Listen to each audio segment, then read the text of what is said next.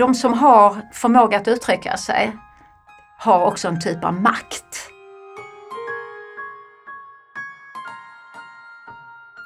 Välkommen till Natur och kulturs podcast Akademiska kvarten.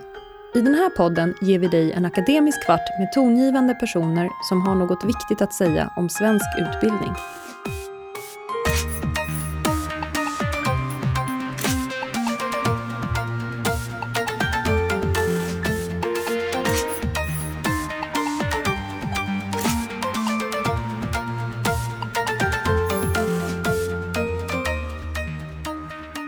Jag heter Niklas Gårdfeldt Livi och är utgivningschef för pedagogisk litteratur på Natur och kultur. I det här avsnittet träffar jag Barbro Westlund, läs och skrivforskare vid Stockholms universitet.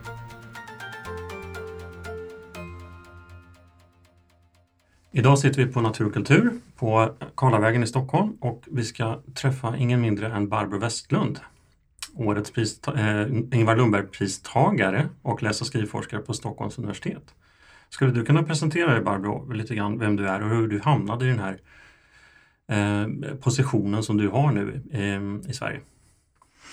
Ja, lite kortfattat. Jag brukar presentera mig som en väldigt stolt lågstadielärare. Jag tycker om att känna mig som en stolt svensk lärare framför allt. Eh, och eh, jag tycker själv att det är spännande den väg jag har fått förmånen att gå. Från att då ha arbetat över 25 år som aktiv lärare.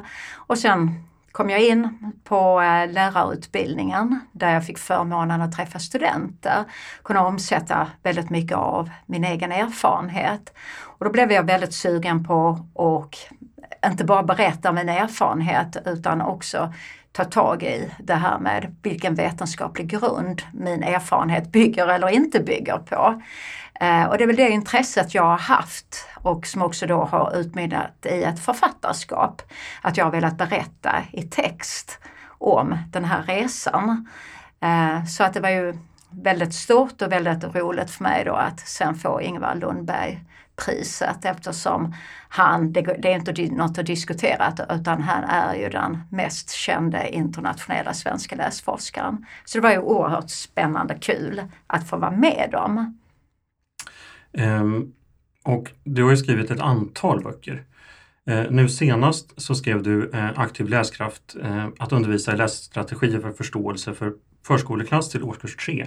Ja. och det är en serie som du går i mål med där de andra två behandlar mellanstadiet och sen högstadiet. Ja. Det är intressant att du skriver den här boken som ligger dig närmast på något sätt om man tänker på din historia och din bakgrund som lärare. Den skrev du som den sista boken i serien. Mm. Skulle du kunna berätta lite grann om varför det kom sig att du går i mål med den som behandlar just det stadium där du själv undervisade? Mm. Två skäl egentligen. Eh, skälet till att jag började med att skriva högstadieboken det var ju egentligen PISA-chocken 2012. Och det handlar om eh, elevers, ja, 15-åringars läsförståelse, vilken undervisning man får. Och då funderade jag väldigt mycket på vilket stöd får högstadielärare för att ge sina elever den läsundervisning, den läslärande de behöver. Och jag, även om jag tycker det är väldigt viktigt med tidiga insatser så tror jag att insatserna måste fortgå under hela skoltiden. Så då började jag med högstadieboken, så det var egentligen ett ganska medvetet val. Då var det ganska naturligt att fortsätta med mellanstadieboken eftersom det finns en likhet mellan mellanstadiet och högstadiet. Och det är att elever i den här åldern, från 9-10 års åldern, går allt mer för, från att lära sig läsa till att läsa för att lära. Så att där finns ändå orsak till varför den tredje boken som är förskoleklass till årskurs 3 kom sist. Ehm, sen ytterligare ett skäl var att i den här sista boken finns så mycket av min egen historia. Eftersom jag är lågstadielärare, har arbetat i 25 år. Och jag gjorde ett nytt grepp i den här boken där jag bestämde mig för att lägga ut lite tankebubblor. Det har jag inte gjort i de andra två böckerna.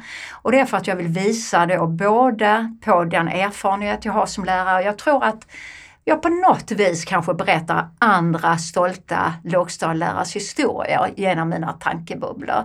Det är min förhoppning att jag gör det. Men sen har jag ju då rollen som lärarutbildare. Jag träffar ju studenterna som undrar hur saker och ting hänger ihop.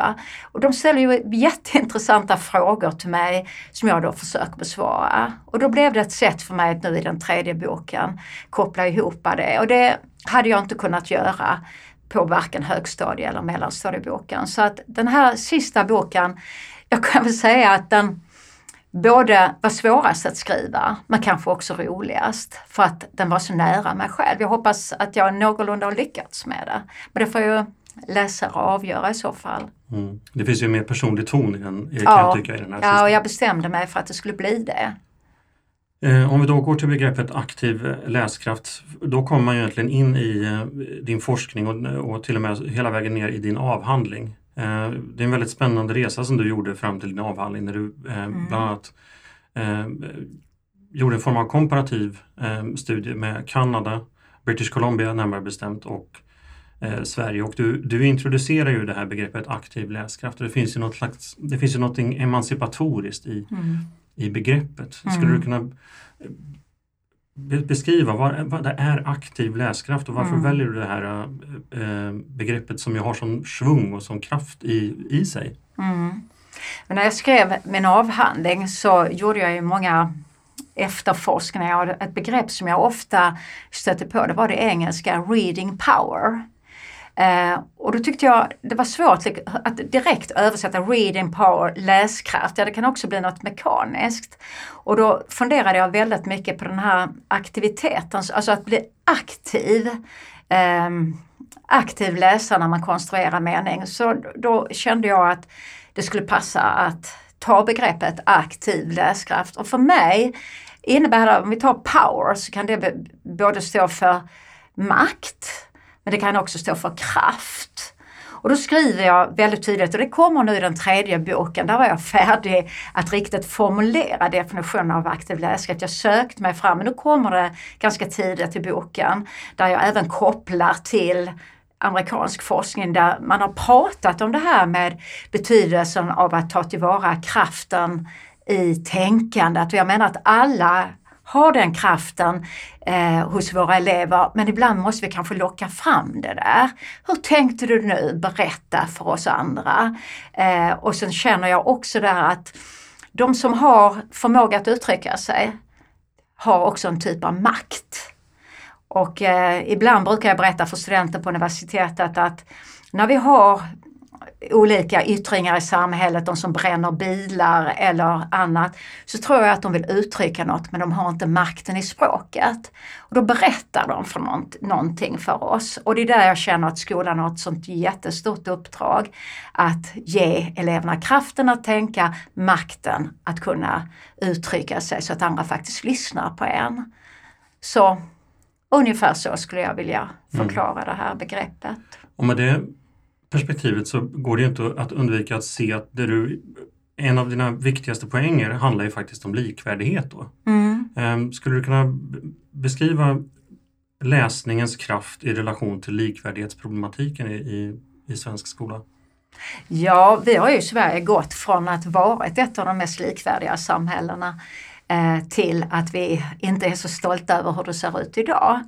Och med tanke då på att hembakgrund har sån väldigt stor betydelse, val av skola, så tycker jag att det är viktigt att man tänker på likvärdigheten utifrån att lärare behöver få kunskap hur teorier kan omsättas i praktiken. Det Nog det som har varit det vägledande för mig hela tiden. Att jag tänker att jag då som eh, gammal stolt lågstadielärare inte vet jag om jag hade alla teorier med mig, men vi var väldigt duktiga på metodik. Och ibland har jag suttit ner då sen jag blev lärarutbildare och funderat på hur visste jag vad jag gjorde egentligen? Ibland kunde jag ju säga att saker lyckades precis som andra lärare gör. Ibland så misslyckades det kapitalt och jag kunde ändra på det. Men jag hade inte metaspråket, jag hade inte teorierna med mig. Och ehm, när jag då började arbeta på universitetet så fick jag ju förmånen att få tid att tänka och jag tycker det är en förmån att få tid att tänka och omsätta det tänkandet. Så jag, min drivkraft är nog fortfarande egentligen det är att försöka befinna mig på klassrumsgolvet, att försöka vara en av lärarna men att kunna berätta lite grann. Så det, det är den tonen jag försöker använda mm. eh, i mitt författarskap då, i min forskning helt enkelt. Mm. Du, när du nu pratar om att eh, kraften i att kunna uttrycka sig, men någonting som du också väldigt tydligt går igenom är, handlar ju om eh, alltså relationen mellan kognitiva och språkliga förmågor, mm. så att förstå eh, vad det är man eh, läser och studerar i skolan. Mm. Skulle du kunna beskriva lite grann relationen mellan kognitiva och språkliga förmågor och, och det, det, viktiga där när, när det gäller mm. aktiv läskraft? Mm. Alltså det går inte att separera eh, tanke och språk och det sa ju även alltså redan Vygotsky. Alltså det hänger in, i, ihop. Och då tänker jag att om man inte har ett språk att uttrycka sig, hur kan man då utvecklas kognitivt? Det är inte så lätt eftersom tankegångar bygger på att bygga språket på olika sätt. Jag, jag pratar ju ofta om att man behöver naturligtvis ett vardagsspråk som fungerar. Jag tänker på alla nyanlända som kommer som måste lära sig svenska. Men det räcker inte. Utan man måste ju också få ämnesspråket, skolspråket. Men så har jag ju lagt till ytterligare en aspekt och det är resonemangsspråket. Att kunna uttrycka sig så att andra lyssnar på en. Att kunna, när man diskuterar en text, kunna säga å ena sidan men å andra sidan. Det är väldigt enkla språkliga strukturer men som gör att vi bygger tankar ihop. Så det har jag funderat väldigt mycket på. Och jag tänker på, när jag lyssnade på Jim Cummins i Göteborg så hade han ju samma sätt att tänka. Han är ju också från Kanada och jag har ju tittat mycket på kanadensisk forskning. Och han pratar ju just om det här att ska vi hjälpa nyanlända nu i Sverige, vi har ju både möjligheter och utmaningar i det här, så får vi inte nöja oss med att ge dem vardagsspråket utan de måste upp på den där utmanande nivån. Och jag har full tillit att vi kommer klara det i svensk skola, bara vi är medvetna om det här, att vi inte lägger oss på någon slags komfortnivå. Mm. Utan Hela tiden, så det är där aktiv läskraft ligger, känner jag, på, i alla, på alla nivåer. Alltså oavsett om man behärskar svenska språket någorlunda eller är helt främmande för svenska språket så ska du ändå kunna utmanas i ditt tänkande. Jag ger ju exempel i nu den här tredje boken att bilderboken har en oerhörd kraft och eh, även om man inte då kan svenska Eh, så kan man diskutera bilder. Kanske vänskap kan man fundera på. Hur skulle jag symbolisera det i en bild för att kunna tala om det? Kärlek, svek. Det finns väldigt många teman. Och där tror jag vi har väldigt mycket att lära oss av att använda det här symbolspråket för att utveckla djupa tankar så vi inte hamnar i den tekniska sidan av läsningen. Jag skriver ju väldigt mycket om det, att uh, ha en balanserad syn på läs och skrivutveckling och det är att både se till att den tekniska sidan fungerar men även meningsskapande, alltså förståelsesidan. Och eh, det är inte så att vi först kört den tekniska sidan och sen är det klart och sen blir det meningsskapande. Jag skulle nästan vilja säga att det är precis tvärtom. Vi börjar att skapa mening för att sen lära oss att avkoda text. Mm.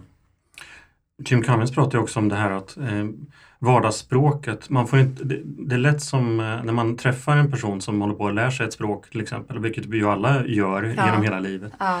Att eh, tro att vardagsspråket motsvarar till exempel det akademiska språket mm. och förståelsen som man har i skolan.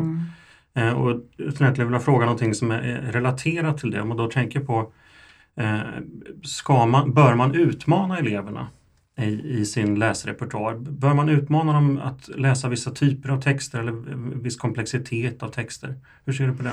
Mm, jag, jag, tror, jag brukar skilja på texter som eleverna förväntas läsa själva. Det är en viss typ av text. Jag är absolut inte emot att man använder läslärare i den första läsutvecklingen. Jag tror den har, har, har väldig funktion.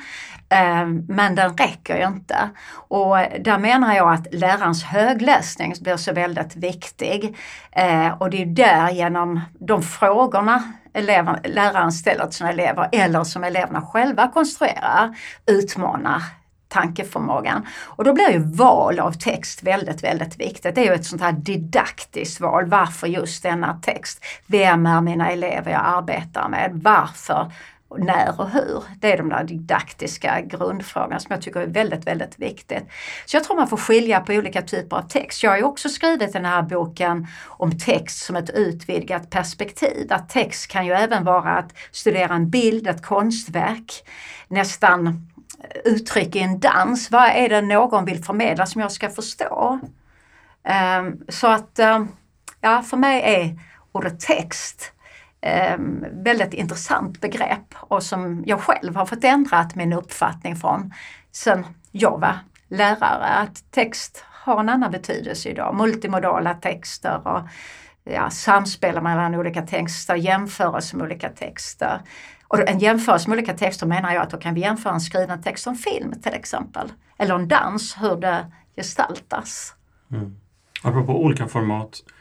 Eh, den tekniska utvecklingen har gått otroligt snabbt nu de sista mm. 10-15 åren och mm. man kan ju nästan tala om att det finns en slags formatträngsel nu i både i skolan och i elevernas eh, liv utanför skolan. Mm. Hur ser du på den här utvecklingen om man tänker på eh, läsning, alltså eh, paddor, telefoner och eh, spel eller vad det nu kan vara i relation till att läsa?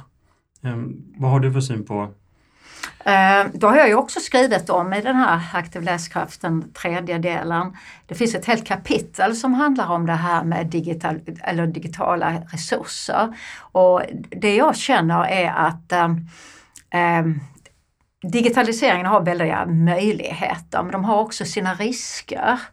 Och ehm, jag, jag tror det är väldigt farligt om man skulle kasta bort alla böcker i pappersform för att tro att man läser på samma sätt på en iPad till exempel. För det har konsekvenser för vissa elever där när man scrollar fram text. Man kan inte minnas riktigt vilken sida var det. Jag vet själv när jag läser Eh, att om jag läser i papperstext kan jag nästan säga längst upp på en vänstersida eller tre rader ner, där stod någonting. Och den förmågan kan jag inte få när jag läser på en iPad.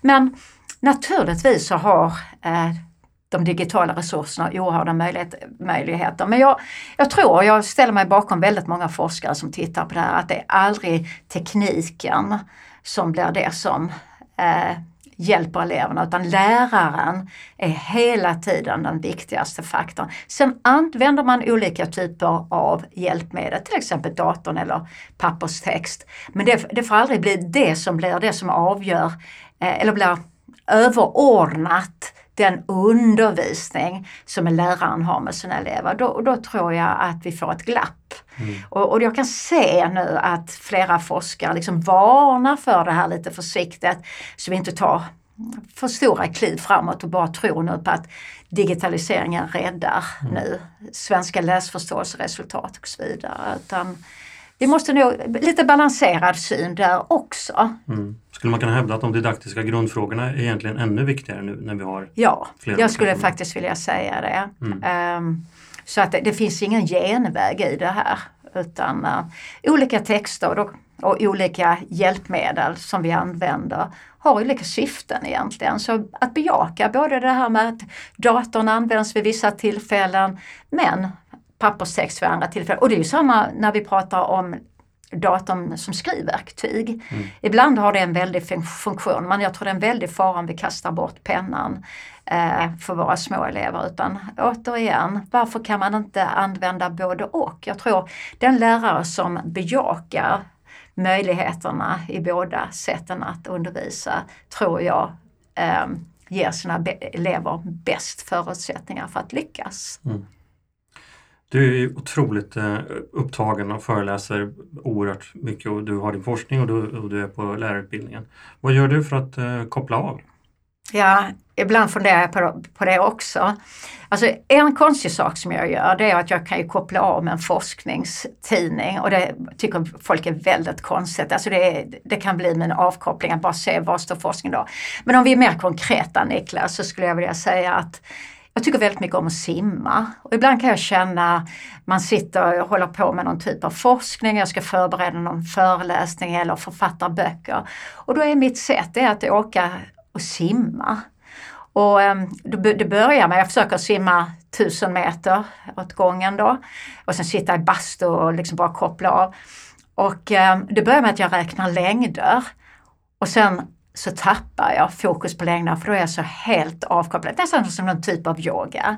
Och alla känner inte den biten som avkoppling, andra promenerar eller gör någonting, men för mig fungerar simningen väldigt, väldigt bra. Så det, det, det mer konkreta, det andra var nog lite mer nördigt att kasta sig över en forskningsrapport. Bästa av två världar. det är helt två världar. Eh, Barbro Westlund, tusen tack för att du kom hit. Ja men tack för att jag fick komma hit. Det är jätteskoj att prata med dig. Tack!